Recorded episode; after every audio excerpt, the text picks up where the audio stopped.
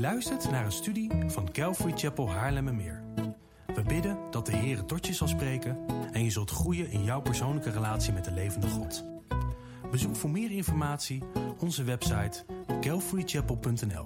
Dat is C-A-L-V-A-R-Y-C-H-A-P-E-L.nl.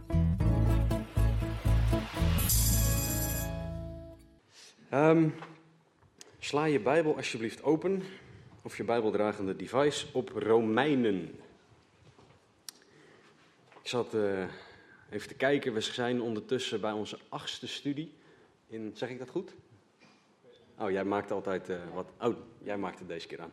Acht studies in Romeinen. Dit is onze achtste keer dat we ernaar gaan kijken. En ehm, het zullen er nog wel een paar meer worden, want we zijn pas in hoofdstuk 3. Daar gaan we nu net pas aan beginnen. Ehm, maar het is een fantastische zegen om naar dit boek te kijken. Want wat we tot nu toe gedaan hebben, is dat we, en daar zitten we nog middenin, is dat we aan het kijken zijn naar Paulus zijn gedachtegang. En Paulus was echt een briljante theoloog. Paulus die schrijft een geweldige brief. Het is het hoogtepunt van ehm, het theologische schrijven in het Nieuwe Testament. Het is een geweldige brief die vol staat met allerlei fantastische theologie. Maar Paulus maakt het ook heel praktisch. Want het kan geweldig zijn als je een hele hoop in je hoofd weet. Maar als het niet in je hart landt, dan heb je er helemaal niks aan. Dus wat Paulus vanaf het begin aan het doen is, is dat hij duidelijk aan het maken is dat ieder mens een zondaar is. In Romeinen 3, vers 19 staat het volgende. Wij weten nu dat alles wat de wet zegt, zij dat spreekt tot hen die onder de wet zijn. En hier komt het op dat elke mond gestopt wordt, en vanaf hier is het belangrijk, en de hele wereld doemwaardig wordt voor God. Dit is wat Paulus duidelijk wil maken. Dit is wat Paulus wil dat iedereen begrijpt. En aan het einde van hoofdstuk 1 is Paulus begonnen met uitleggen dat Gods toorn komt over de onrechtvaardigen. Gods toorn komt over de mensen die duidelijk God niet gehoorzamen. En Paulus geeft aan, ze hebben het evangelie nodig. In het begin van hoofdstuk 2 legt Paulus uit dat de mensen die zichzelf heel erg goed vinden, de mensen die zichzelf op de borst kloppen en zeggen ik doe het wel goed, dat Paulus zegt omdat je die houding hebt, ben ook jij schuldig. En ook jij hebt het evangelie nodig. In het tweede gedeelte, vanaf vers 12 in Romeinen 2, legt hij uit dat iedereen met of zonder de wet geoordeeld zou worden, omdat iedereen uiteindelijk Gods wet overtreedt en daarmee een zondaar is die doemwaardig is voor God en daarmee het evangelie nodig heeft. En aan het einde van hoofdstuk 2 gaat hij in op de Joden, maar specifiek op de mensen die een religieus systeem hebben, die een religie volgen in de plaats van een relatie met God. Die dingen doen om Gods liefde te verdienen, in de plaats van weten dat ze geliefd zijn en op basis daarvan een relatie met God hebben. En Paulus zegt, als jij religie navolgt, dan doe je het misschien goed. Maar uiteindelijk heb ook jij het evangelie nodig, omdat ook jij doemwaardig wordt voor God. En hij zegt dat over daarmee eigenlijk alle mensen. En mocht er iemand zijn die zich hier nog niet bij aangesproken voelt, lees dan alsjeblieft even verder bij waar we vandaag gaan stoppen. We gaan tot en met vers 8 komen. Ehm, in vers 10 staat er namelijk, en ik zal het voorlezen, Romeinen 3 vers 10, er is niemand rechtvaardig, ook niet één. Dus als je je tot nu toe nog niet aangesproken voelde met al die andere groepen, dan vat Paulus het nog even voor je samen, ook jij. Wie je ook bent, wat je ook gedaan hebt, waar je ook vandaan komt, ook jij hebt Jezus nodig. Ook jij hebt het evangelie nodig. Want de hele wereld, alles en iedereen, is doemwaardig voor God. En heeft het evangelie nodig, Gods reddende plan voor de mensheid. We hebben vorige week gezien dat God alle mensen gelijk behandelt. Dus ook mensen die heel religieus zijn, die heel veel goede dingen doen. Die heel hard werken, die allerlei dingen doen op basis van een religieus systeem. En God zegt, ik ben niet zo geïnteresseerd in die daden, ik wil jouw hart hebben. En als jouw hart niet bij mij is, dan is, er, is het probleem er nog steeds. God wil geen religie, hij wil een relatie met mensen. En hij wil een relatie gebaseerd op het woord van God. Niet gebaseerd op wie jij bent. Hij wil een relatie gebaseerd op wie Jezus is. En wat Jezus gedaan heeft, zoals uitgelegd wordt in de Bijbel. Dat is wat Paulus tegen de mens zegt die religieus ingesteld is. En vandaag gaan we kijken naar het feit dat God goed en rechtvaardig is, ondanks de mens. We gaan kijken naar het feit. Zo, het waait nu wel heel erg hard. Ja, ik weet niet. Is het hinderlijk dat er. Even. Wacht even. Sorry hoor. Ik heb hier een dingetje voor. Ah. Ehm, wie heeft geluid? Wil je hem even uitzetten?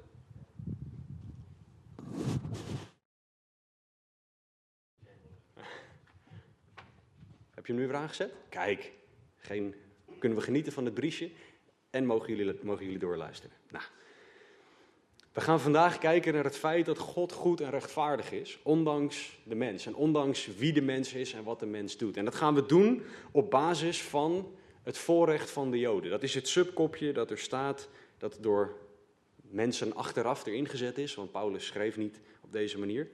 Ehm, maar dat is het subkopje dat ertussen gezet is. En we gaan kijken naar wat Paulus hier zegt en dan gaan we zien hoe God rechtvaardig en goed is. Ondanks wie de mens is, wat de mens doet, welke mens je ook bent. Laten we samen lezen Romeinen 3, vers 1 tot en met 8. En dan gaan we daarna terug om er vers voor vers doorheen te gaan. Wat heeft de Jood dan voor op anderen? Of wat is het voordeel van het besneden zijn? Veel in alle opzichten, want in de eerste plaats zijn hun de woorden van God toevertrouwd. Want wat is het geval als sommigen ontrouw zijn geweest? Zal hun ontrouw de trouw van God toch niet teniet doen? Volstrekt niet, zo echter moet het zijn. God is waarachtig, maar ieder mens een leugenaar. Zoals geschreven staat, opdat u gerechtvaardigd wordt wanneer u recht spreekt en overwint wanneer u oordeelt. Als nu onze gerechtigheid, de gerechtigheid, oh als nu onze ongerechtigheid de gerechtigheid van God bevestigt, wat zullen wij dan zeggen? Is God onrechtvaardig als hij toorn over ons brengt? Ik spreek op menselijke wijze. Volstrekt niet. Hoe zal God anders de wereld oordelen? Want als de waarheid van God door mijn leugen overvloediger is geworden tot zijn heerlijkheid, waarom word ik dan toch nog als zondaar geoordeeld? En is het toch niet zoals wij belasterd worden en zoals sommigen zeggen dat wij zeggen, laten wij het kwade doen, opdat het goede daaruit voortkomt? De verdoemenis van hen is rechtvaardig. Vader God, dank u wel voor uw woord. Dank u wel dat u deze woorden tot ons spreekt. Dank u wel dat u goed bent in deze woorden. En heren, doet u alstublieft wat ik niet kan. Dat is namelijk harten aanraken. Spreek alstublieft tot iedereen in zijn of haar hart. Raak hen aan en verander iedereen alstublieft. Breng mensen tot geloof vandaag. En heren, we bidden dat u wonderen doet. We bidden en vragen we in Jezus' naam. Amen. Romeinen 3, vers 1. Paulus heeft net iedereen op één hoop gegooid. Alle groepen die ik omschreef, de onrechtvaardigen, de mensen die zichzelf rechtvaardig vinden, de, de religieuze persoon, de mensen met en zonder de wet, iedereen ligt op één hoop. Paulus schreef één brief en dat kan je ook zien aan het woord dat hij staat, wat heeft de Jood dan? Dat is een koppelwoord met wat ervoor staat. Dus als je het woord meer en meer wil leren bestuderen, ga op dat soort woorden letten, want dan weet je dat er iets voor staat wat je moet weten. Paulus heeft het gehad over de Joden en dat het voor de Joden, mensen die fysiek Jood zijn, geen voordeel is als ze besneden zijn. Als zij doen wat, of als zij niet doen wat de wet wel van hen vraagt. Dus Paulus die gaat, die krijgt nu logisch gezien dan de vraag van de Joodse christenen in Rome. Maar is er nou nog een voordeel in het zijn van een Jood? Want God heeft door de hele Bijbel heen allerlei beloftes aan Israël gedaan. Is dat nu klaar? Is dat nu? Stopt dat nu? Is God klaar met Israël of zo? Maakt het nog uit? Nou, laat ik beginnen met het feit dat Joden op dezelfde manier gered moeten worden als ieder ander. Mijn vrouw is van Joodse afkomst. Zij moet op dezelfde manier gered worden als ik, die niet van Joodse afkomst ben. En dat is door genade, door Jezus, door het kruis. Romeinen 2:11 zegt er is geen aanzien des persoons bij God. Dus God zal niet zeggen, nou omdat jij toevallig DNA hebt, toevallig DNA hebt, wat uit Israël komt, hoef jij niet door genade gered te worden, maar ben jij standaard gered. Zo werkt God niet, want dan zou God niet perfect rechtvaardig zijn. God behandelt de Joden niet voordeliger dan de niet-Joden. Een Jood is net zo zondig als een heiden. Jezus is net zo hard nodig voor de Jood als voor de heiden. En God is goed en rechtvaardig voor de Jood en voor de heiden, wat ze ook doen. Dat is het uitgangspunt. Maar tegelijkertijd zegt Paulus hier zelf, wat is het voordeel van het besneden zijn? In vers 2 zegt hij veel, in alle opzichten. En het eerste en het enige punt wat hij hier noemt, in dit vers, en daarna gaan we op iets anders in, maar zegt hij, want in de eerste plaats zijn hun de woorden van God toevertrouwd. Dat is wie Israël is. Zij hebben het woord van God gekregen. Ik weet niet of je het je realiseert, maar wij lezen een Joods boek. Daarmee bedoel ik dat de meeste schrijvers van afkomst Jood waren. Mozes, de eerste vijf boeken die hij geschreven heeft, waren allemaal door Joden geschreven. Abraham, Isaac, Jacob, de aartsvaders zijn Joden. En dit is voor ons belangrijk. Want als zij het woord niet zo trouw hadden opgeschreven en overgenomen en hadden doorgegeven, ja, dan hadden wij nu niet de zekerheid dat dit het woord van God was. Als een rabbijn het woord overschreef, het woord van God overschreef. En hij maakte één foutje bij de laatste zin in het laatste woord dat hij aan het overschrijven was. Eén foutje, één punt, één komma, één. Welk, wat, die, wat voor fout er dan ook was, werd alles weggegooid, verbrand en moest hij opnieuw beginnen. Dat is nogal wat. Zoveel respect hadden ze voor het woord van God. Op die manier is het woord van God gekopieerd. En op die manier heeft God door de Joden heen ons het woord gegeven, waardoor wij dat nu kunnen bestuderen. Dus het is echt fantastisch dat de Joden zijn wie ze zijn en dat ze zoveel respect hebben voor het woord van God. God heeft hun dat woord gegeven. In Romeinen 9, daar gaan we over een paar maanden denk ik pas, maar gaan we daarop in, um, staat het volgende. Romeinen 9 vers 4. Zij, dan heeft hij het over Israël, zijn immers Israëlieten. Voor hen geldt de aanneming tot kinderen, de heerlijkheid en de verbonden en de wetgeving en de eredienst en de belofte.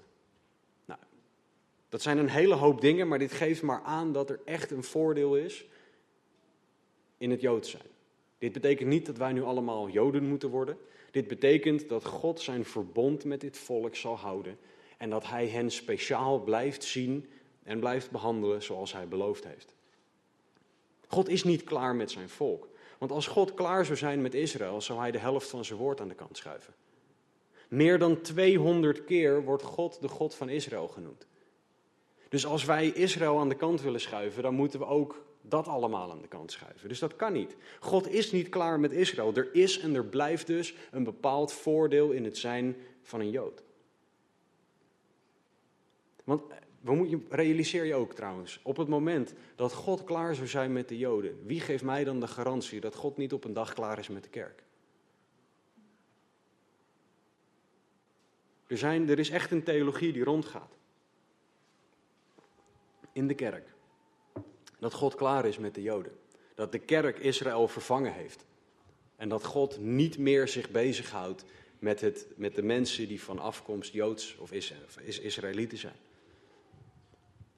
Als dat zo zou zijn, dan zou God op een dag ook klaar kunnen zijn met de kerk. Dan is de maat op een gegeven moment vol met de kerk. En zegt God, laat maar zitten. Het hoeft niet meer. Dat is niet de God die ik in het woord zie. Dat is niet de God waarover geschreven staat in het woord. Want die God, die heeft oneindig veel liefde, oneindig veel geduld. Hij is perfect rechtvaardig, maar hij heeft oneindig veel geduld. Met ons, maar dus ook met Israël. Dus God is niet klaar met Israël. Er blijft een voordeel in het zijn van Joods van afkomst. Het is een feit dat Paulus aangeeft dat Israël en de Joden speciaal zijn. Dat is een feit. Hij gaat er verder nog op in dat God hun ontrouw vergeldt met trouw. Dat alleen al laat zien dat God niet klaar is met hen. Als God klaar was met Israël, dan had hij hun ontrouw vergolden met iets heel anders. Maar God blijft trouw. En dit is voor ons een geweldige zegen, want het feit dat God trouw is, zoals ook in vers 3 staat, als sommigen ontrouw zijn geweest, zal hun ontrouw de trouw van God toch niet niet doen? Volstrekt niet. Oftewel, God blijft trouw. En dat is voor ons, voor mij, heel persoonlijk, voor mij, heel erg belangrijk. En waarom voor mij persoonlijk? Omdat ik God nog wel eens ontrouw ben. Elke keer wanneer ik zondig, ben ik God ontrouw. Elke keer wanneer jij zondigt, ben jij God ontrouw. En wij mensen denken vaak in kleine zondes en grote zondes. Nee, God denkt in zonde. Bij elke zonde zijn wij God ontrouw. In de Griekse mythologie had je de, uh, de, de oppergod Zeus. En die had een bliksemschicht in zijn handen. Wij hebben soms het idee dat God zoals die Zeus is, die ergens bovenop een berg zit. Een hele grote gespierde kerel met een hele grote witte baard is. En op het moment dat iemand zondigt, dat hij zo doet zo. En een bliksemschicht naar beneden gooit. Zo is God dus niet. Want als God dat zou doen, dan zouden wij allemaal niet meer bestaan. Omdat wij allemaal zondigen. En in onze ontrouw, in de ontrouw van Israël, laat God zien dat Hij trouw is. Dat ondanks de mens God goed en rechtvaardig is. Dat laat Hij keer op keer op keer op keer op keer laat Hij dat zien. En als God zou zeggen: nee, er is nu geen voordeel meer in het Jood zijn, zou God zoveel van zijn woord aan de kant schuiven. En zeggen: ja, daar kijk ik niet meer naar, dat vind ik niet belangrijk.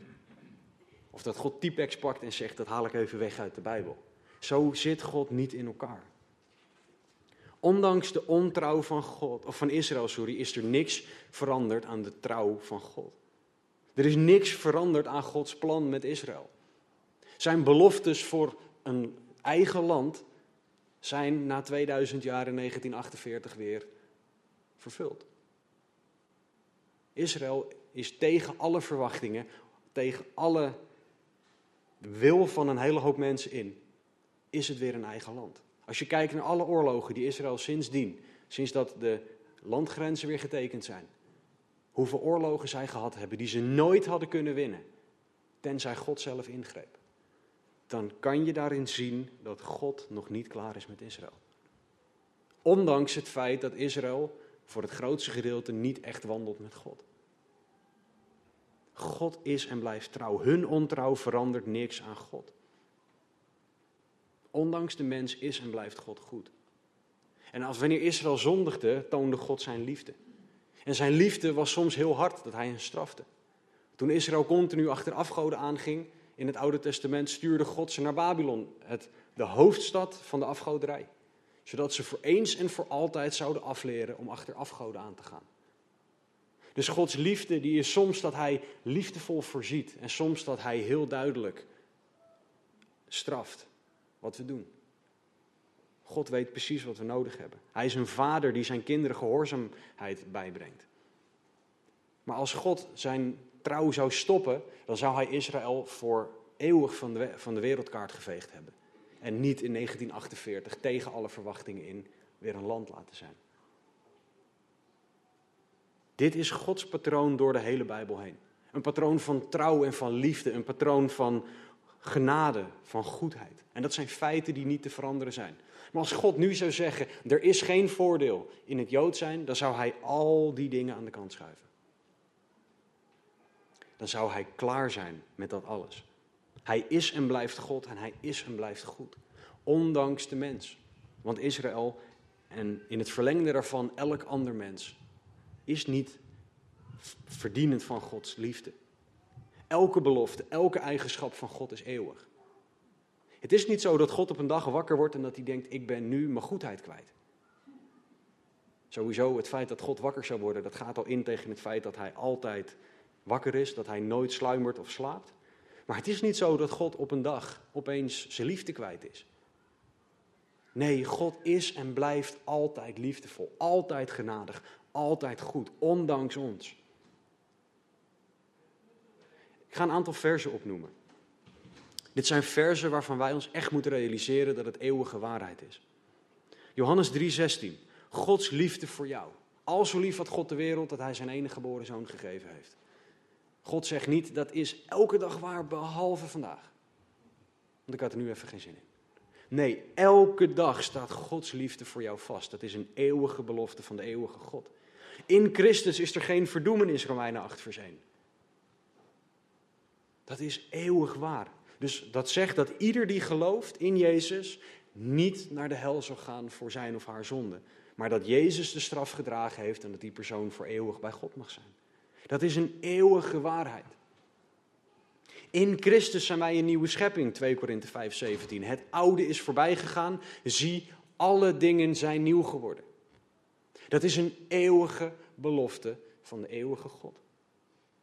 Jesaja 41:10, God is altijd bij je. Ik ondersteun je met mijn machtige rechterhand, zegt God.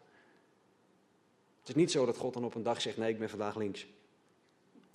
Dus dat, nee, dat vandaag niet. Nee, God zal altijd ondersteunen, altijd kracht geven, altijd ons geven wat we nodig hebben. Hetzelfde geldt voor Matthäus 28, of sorry, 11 vers 28. Gods rust. Kom naar mij toe, alle die vermoeid en belast zijn. Elke dag is dat waarheid. En elke dag is God trouw aan die belofte in zijn woord. Alleen vertrouwen wij er ook op dat God dat is. Of denken wij, nou, maar dat kan niet, dat God het vandaag ook zo, dat God vandaag ook goed is. Ik heb het nou zo verknald, dat kan echt niet. Jesaja 54:10 zegt het volgende.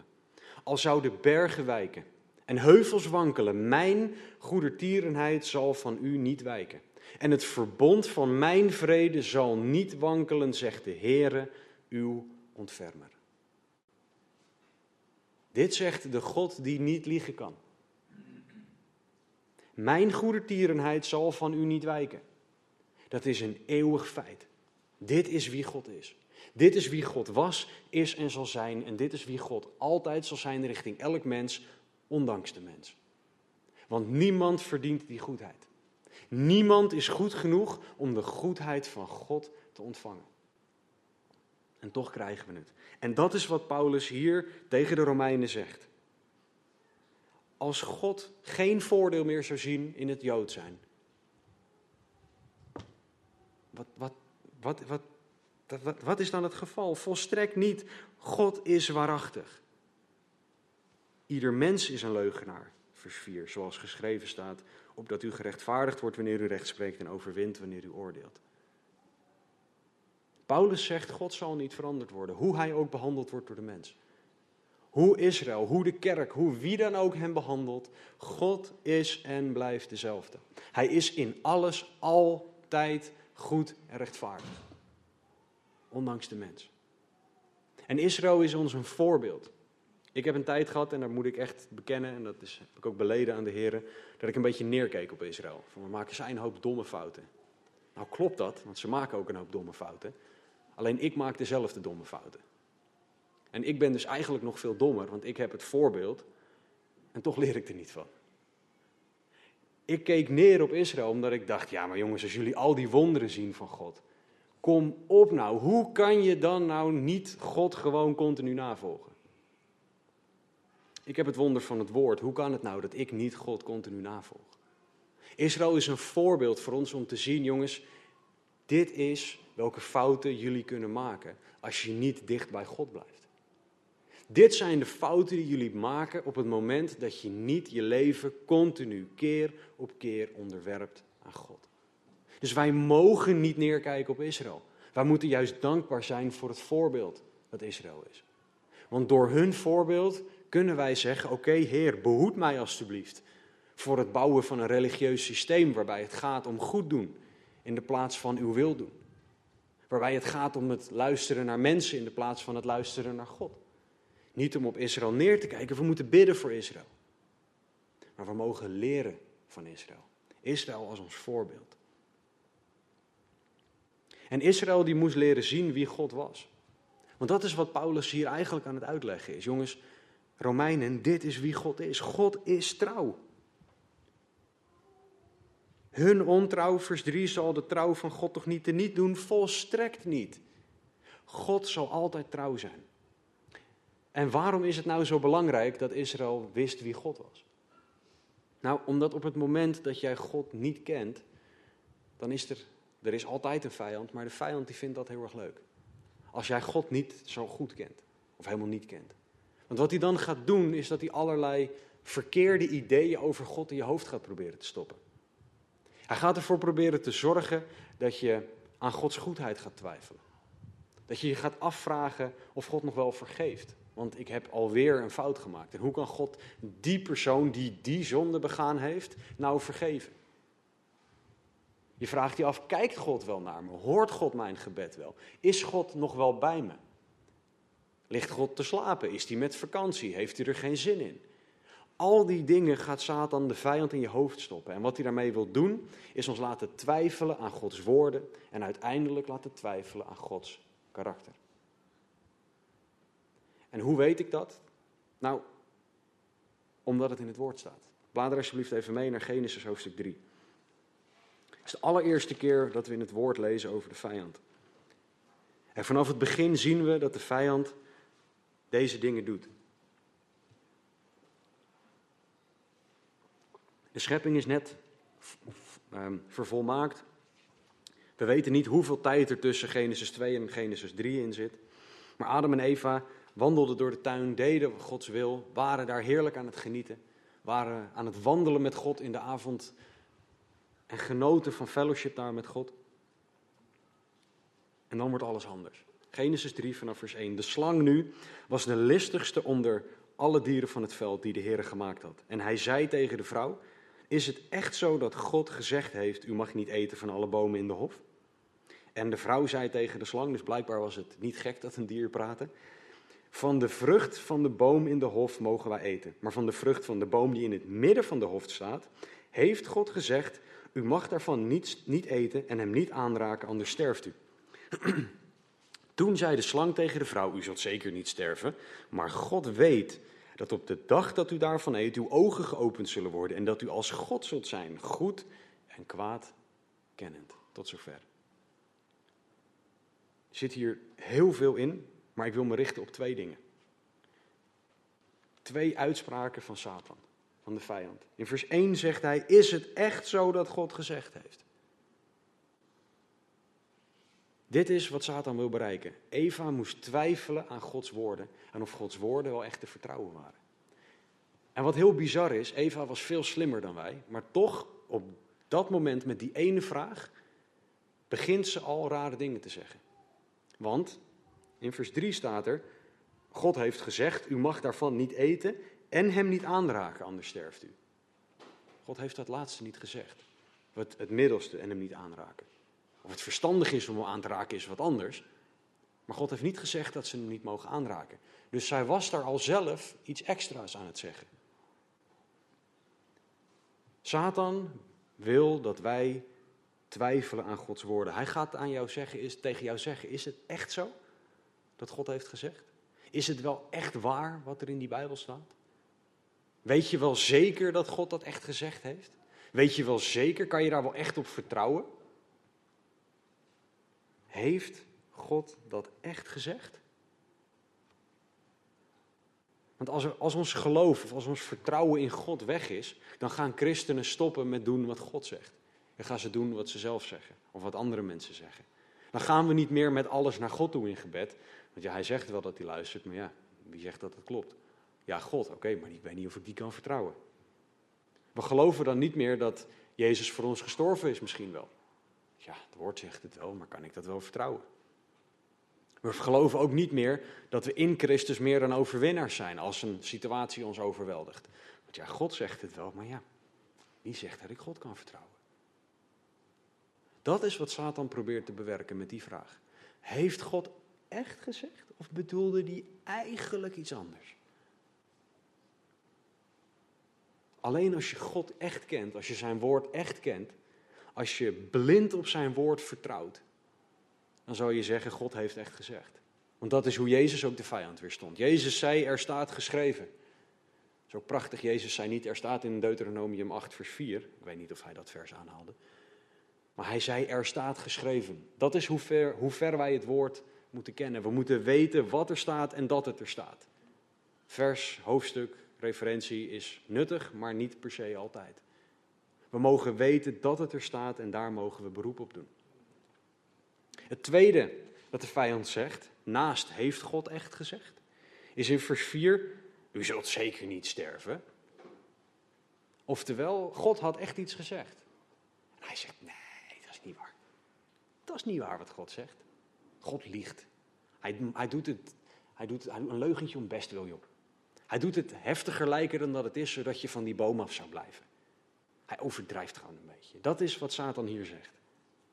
En wat dat doet, is dat het je doet twijfelen aan Gods karakter. Want dan is God een leugenaar. En als je gaat twijfelen aan Gods karakter, Ga je twijfelen aan of God nog wel echt goed is? Ga je twijfelen aan of God nog wel van je houdt?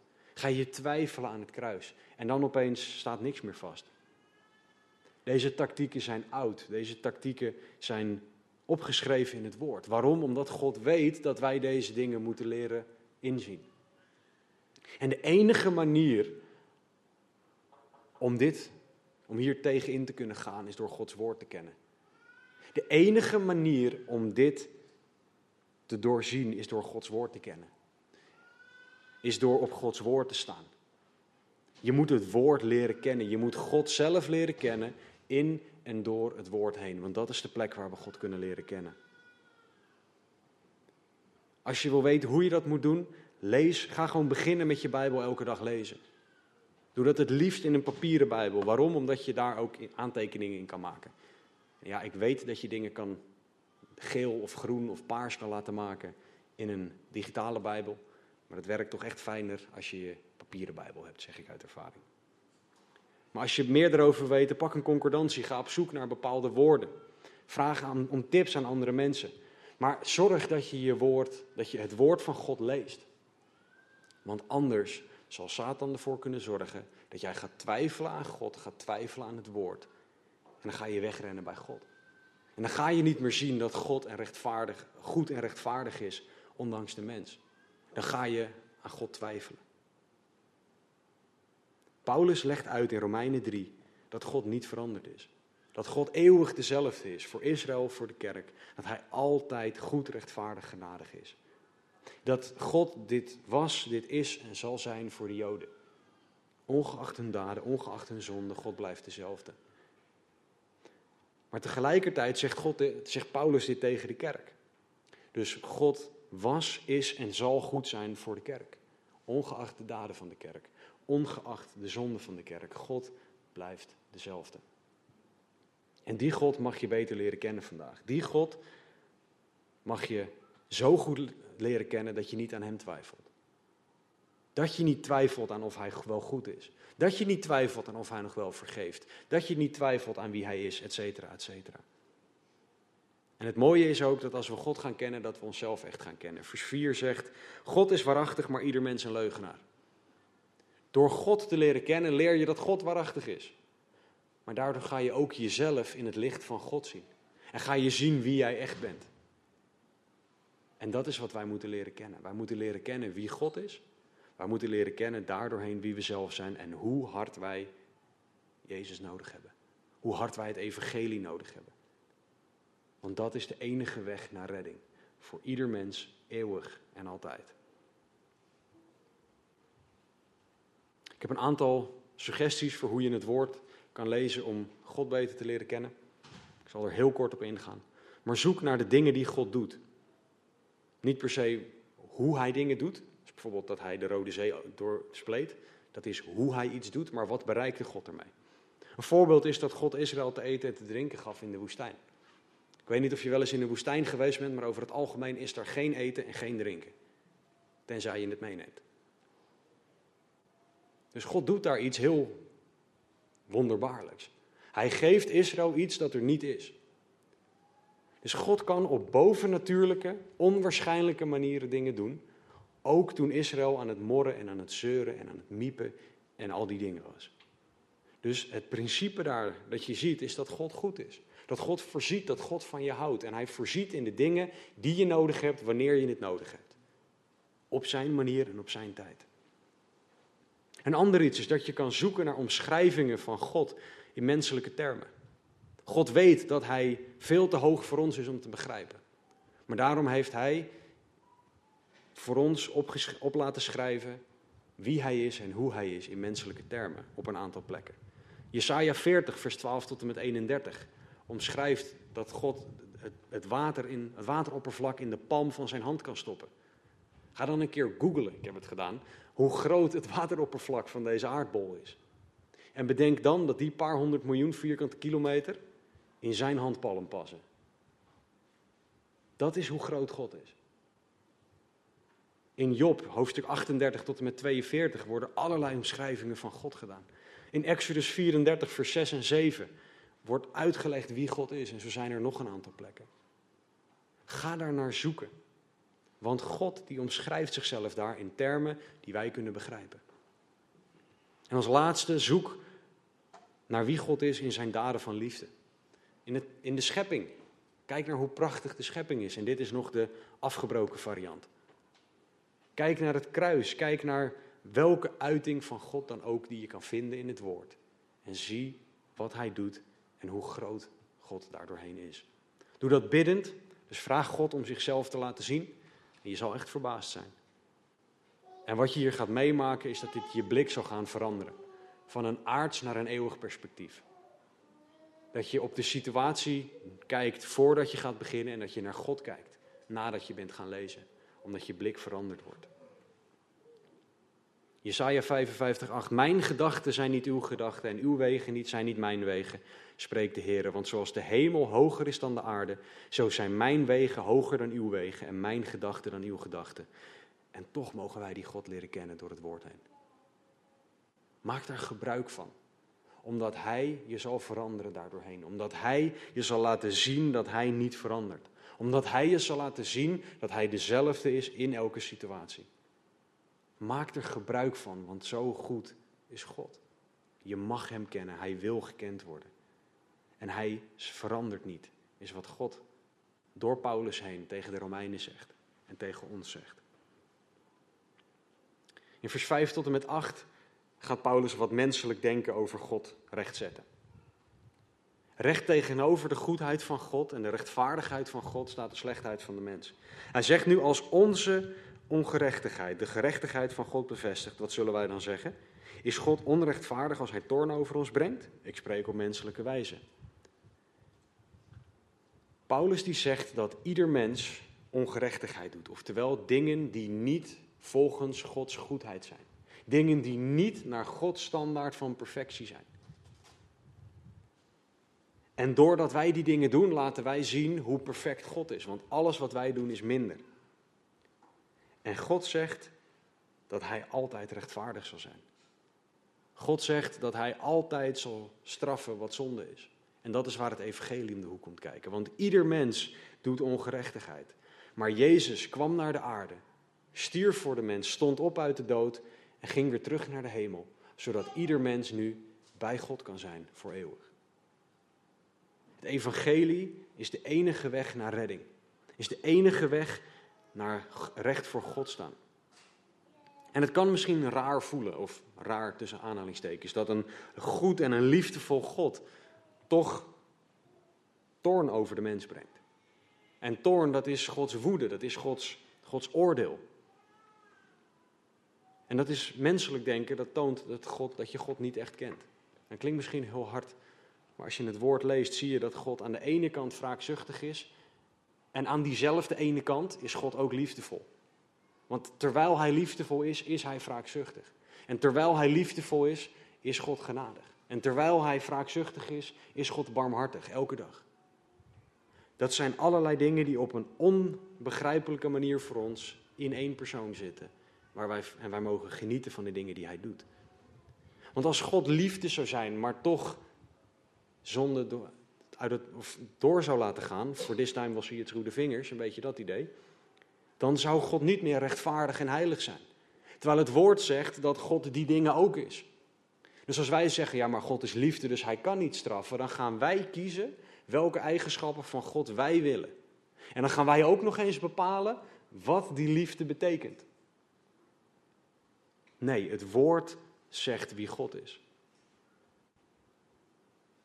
In onze zonde en onze slechtheid zien wij Gods goedheid.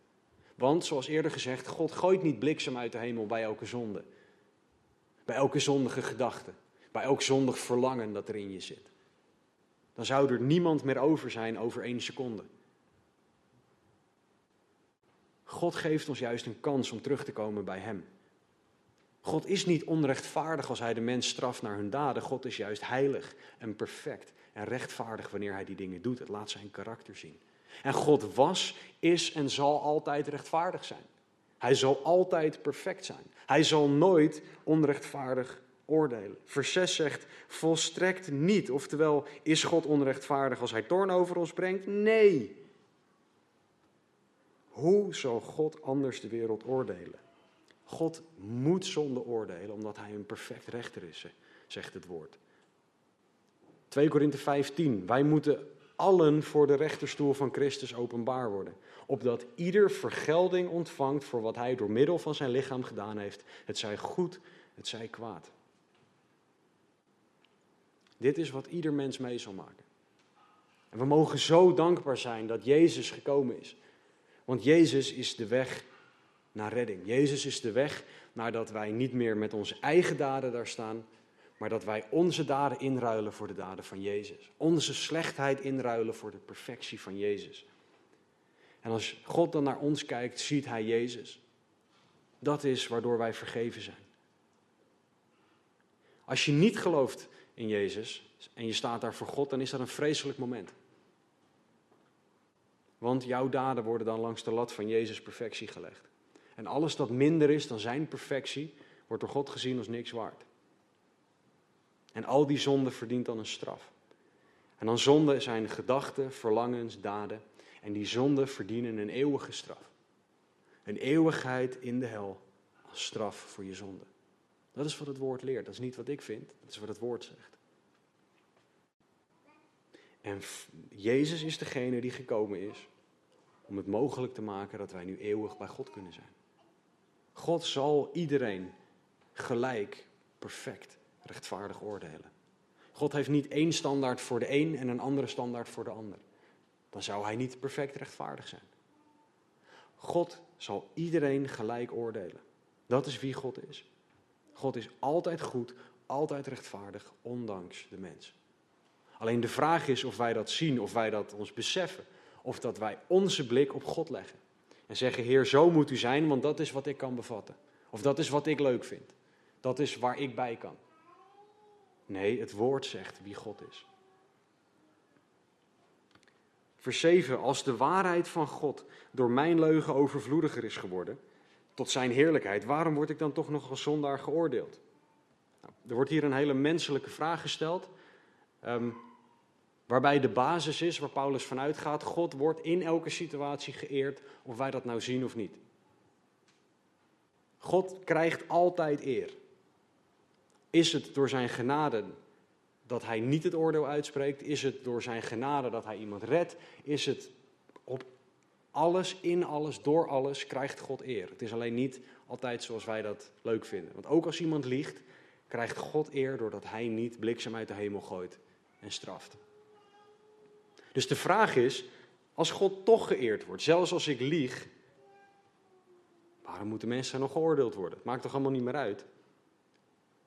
Paulus gaat er niet eens op in. Zoiets van, wat is dit voor een vraag? Hij antwoordt die vraag later, beantwoordt die vraag. In hoofdstuk 6, vers 1 en 2 zegt hij het volgende. Wat zullen wij dan zeggen? Zullen wij in de zonde blijven, opdat de genade toeneemt? Dat is dezelfde vraag met andere woorden. Volstrekt niet. Weer die twee woorden. Volstrekt niet. Dat is een heel hard statement voor nee. Het is alsof Paulus die microfoon pakt en heel hard erin schreeuwt. Ik zal dat niet doen, vooral voor de mensen thuis niet. Maar hij, hij, hij wil echt dat er in, tot ons doordringt. Nee, zo werkt God niet. Het is niet zo dat om meer liefde en meer genade van God te ontvangen, moet ik dan maar meer gaan zondigen. Of het maakt toch allemaal niet uit, want God heeft toch wel liefde. Waarom zou ik dan niet door kunnen gaan met zondig? Nee. Hoe zullen wij die met betrekking tot de zonde gestorven zijn, nog daarin leven? Romeinen 6, vers 2. Wij horen heilig te leven. Wij horen apart gezet te leven. 1 Petrus 1, vers 14 tot en met 16. Wordt als gehoorzame kinderen niet gelijkvormig aan de begeerten die er vroeger in de tijd van uw onwetendheid waren, oftewel voordat je tot geloof kwam. Maar zoals Hij die u geroepen heeft heilig is, wordt zo ook zelf heilig in heel uw levenswandel. Want er staat geschreven, wees heilig, want ik, met een hoofdletter I, oftewel God zelf, is heilig. Dat is hoe God wil dat wij leven. God wil niet dat wij leven op onze eigen manier, want God is toch wel goed. Nee, God wil dat wij apart gezet, heilig voor Hem leven. Door Zijn kracht, tot Zijn eer.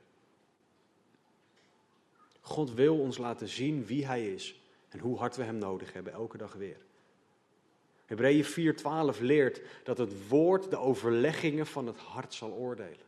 Om te zien of ze wel of niet naar God wil zijn. Ook daarom is het zo belangrijk om je Bijbel te lezen. Vorige week zongen we het kinderliedje met z'n allen hier, omdat de kinderen tijdens de aanbidding er waren. Lees je Bijbel, bid elke dag dat je groeien mag. Er is een reden dat dat kinderversje zo belangrijk is. Want het is de waarheid. Door je Bijbel te lezen, door te bidden, zal je geestelijk groeien. Ja, ik wil heel graag groeien als christen. Ja, wat doe je dan? Ja, ik ben gewoon heel hard aan het sporten en ik ben heel veel druk bezig en hard aan het werk. Oké. Lees jij je Bijbel? Bid jij elke dag? Nee? Oké. Dat je groeien mag, dat gevolg blijft dan weg. Ja, maar God is toch goed? Zeker. Maar God wil van jou dat je Hem leert kennen. Dat je je Bijbel leest, dat je veranderd wordt door het woord. Dus lees je Bijbel, bid elke dag dat je groeien mag. Dat is en dat blijft altijd de enige weg om te groeien als christen. In vers 8. En het is toch niet, dat woordje en is dus ook weer, dat verbindt het vorige. Zoals wij belasterd worden, zegt Paulus over zichzelf. En zoals sommigen zeggen dat wij zeggen. Laten wij het kwade doen omdat het goede daaruit voortkomt. De verdoemenis van hen is rechtvaardig. Iets wat we door het hele woord heen zien, is dat er mensen zeiden die, of mensen waren die dingen over Paulus zeiden. Paulus die onderwijst de, de wet niet meer. Paulus die duwt alle Joden weg bij God. Paulus die, die, die heeft een hekel aan de Joden. Paulus dit, Paulus dat, Paulus zus. En zo. Alsof Paulus leerde, doe maar slecht, want God is toch goed. Paulus die zet het hier recht. Hij zegt, de verdoemenis van de mensen die op deze manier denken is rechtvaardig. Dus als wij denken, ah, God is zo goed, dat maakt toch geen fluit uit wat ik doe. Laat het zien dat wij niet doorhebben wie God is, wat zonde is en wat redding echt is. Paulus werd ervan beschuldigd dat hij een te makkelijk evangelie bracht. Dat open is voor iedereen, want God houdt van iedereen. Een evangelie waarbij de enige verwachting van de mens is dat je jezelf, of dat je God je zonde laat vergeven. Het christendom is niet makkelijk. Jezus stierf ervoor. Het christendom is niet makkelijk, want christen zijn kost je je alles. 2 Korinthe 5, 15 en ik ben bijna klaar. En hij is voor allen gestorven, opdat zij die leven niet meer voor zichzelf zouden leven, maar voor hem die voor hen gestorven en opgewekt is. Dat is hem met een M van Marcel aan het einde. Maar voor hem, voor God leven. Niet meer voor je eigen wil, maar voor Gods wil leven. Dat is waarom het christen zijn zo moeilijk is. Omdat je moet sterven aan jezelf. Niet meer mijn wil, maar uw wil geschieden. Jezus stierf voor allen. Hij is voor allen gestorven. Hij biedt iedereen zijn redding aan. En dat is wat wij de wereld mogen vertellen. God is goed en rechtvaardig. Het maakt niet uit wie jij bent. En jij mag dat aannemen, is de boodschap die wij aan iedereen mogen verkondigen, moeten verkondigen. Dat is de opdracht die wij in Matthäus 28, 19 meekrijgen. En de belangrijkste vraag die iemand jou dan ooit kan stellen is wie Jezus voor jou is. Is Jezus Zomaar iemand, iemand met wiens naam ik vloek. zeg ik niet over mezelf, maar misschien dat dat je antwoord is. Jezus was historisch interessant. Misschien denk je wel, nou ja, misschien heeft hij wel nooit bestaan. Of is jouw antwoord, Jezus is de zoon van God, gestorven en opgestaan voor mijn zonde? Als jouw antwoord niet is dat Jezus de zoon van God is, die voor jouw zonde is opgestaan uit de dood, dan is vandaag jouw kans voor redding. Dan is vandaag jouw kans om te geloven.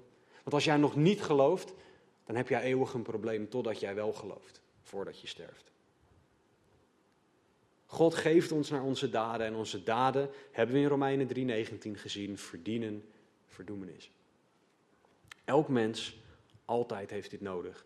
Alleen geloof redt. Geloof in Jezus. Dus geloof in Jezus.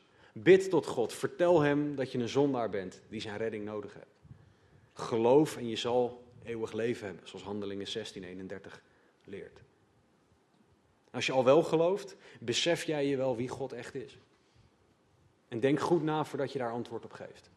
Want als jij zegt, ja, ik besef me wie God is, dan zeg je er eigenlijk mee dat jij een oneindig God begrijpt. Dus denk goed na over die vraag.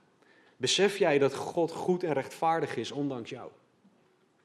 Besef jij dat God trouw is waar wij dat niet zijn? Ken jij God en spendeer jij tijd, investeer jij tijd om God beter te leren kennen? Weet jij wat God over jou zegt? Wat zijn onveranderlijke mening over jou is? Maak jij tijd hiervoor? Want wij kunnen tijd voor alles maken, maar vaak maken we geen tijd voor het woord. Is jouw blik op God en op zonde, is die bijbels of is die menselijk? Is jouw blik op zonde, ah joh, God is toch wel goed? Of is jouw blik op zonde, Heer, ik wil heilig leven voor u? Heilig is namelijk compleet zonder zonde. Geef jezelf opnieuw aan God. Leg je hart bij Hem neer en vraag Hem om zichzelf opnieuw te laten zien. Laten we bidden. Vader God, dank u wel. Dank u wel voor uw woord, voor uw goedheid. Dank u wel dat we u mogen kennen. Dank u wel dat u, Jezus, gestorven en opgestaan bent. Dank u wel, Heilige Geest, dat u het woord uitlegt. En dank u wel, God, dat u gekend wil worden door ons. Laat de woorden die er vanochtend uitgegaan zijn, laat die woorden eeuwig leven voortbrengen in iedereen. Laat die woorden iedereen tot in het diepst van de ziel raken. Zodat er leven zal zijn en geen dood. Heren, doe een wonder alstublieft. Een wonder dat alleen u kan doen. Heren, dat bid en dat vraag ik in Jezus' naam. Amen. Ik wil afsluiten met een kort stukje uit Psalm 46.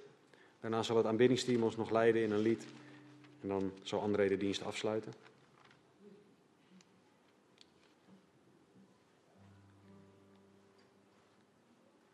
De psalmist schrijft in Psalm 46: Geef het op en weet dat ik God ben. Ik zal geroemd worden onder de heidevolken. Ik zal geroemd worden op de aarde. De Heere van de legermachten is met ons. Die God is met jou vandaag. Of je hem nou kent of niet. Spendeer deze week, spendeer de rest van je leven tijd om deze God, om Hem te kennen en te weten dat Hij God is. Gezegende week.